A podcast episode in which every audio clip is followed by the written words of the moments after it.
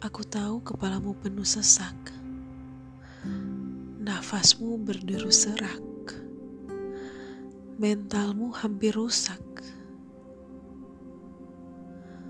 Bahkan tak ada lagi bagian tubuhmu yang bisa melunak. Banyak hal yang tidak diketahui, kecuali kita mengatakannya. Meskipun kadang semuanya terlihat sulit, bahkan untuk sekedar menghela nafas. Jadi,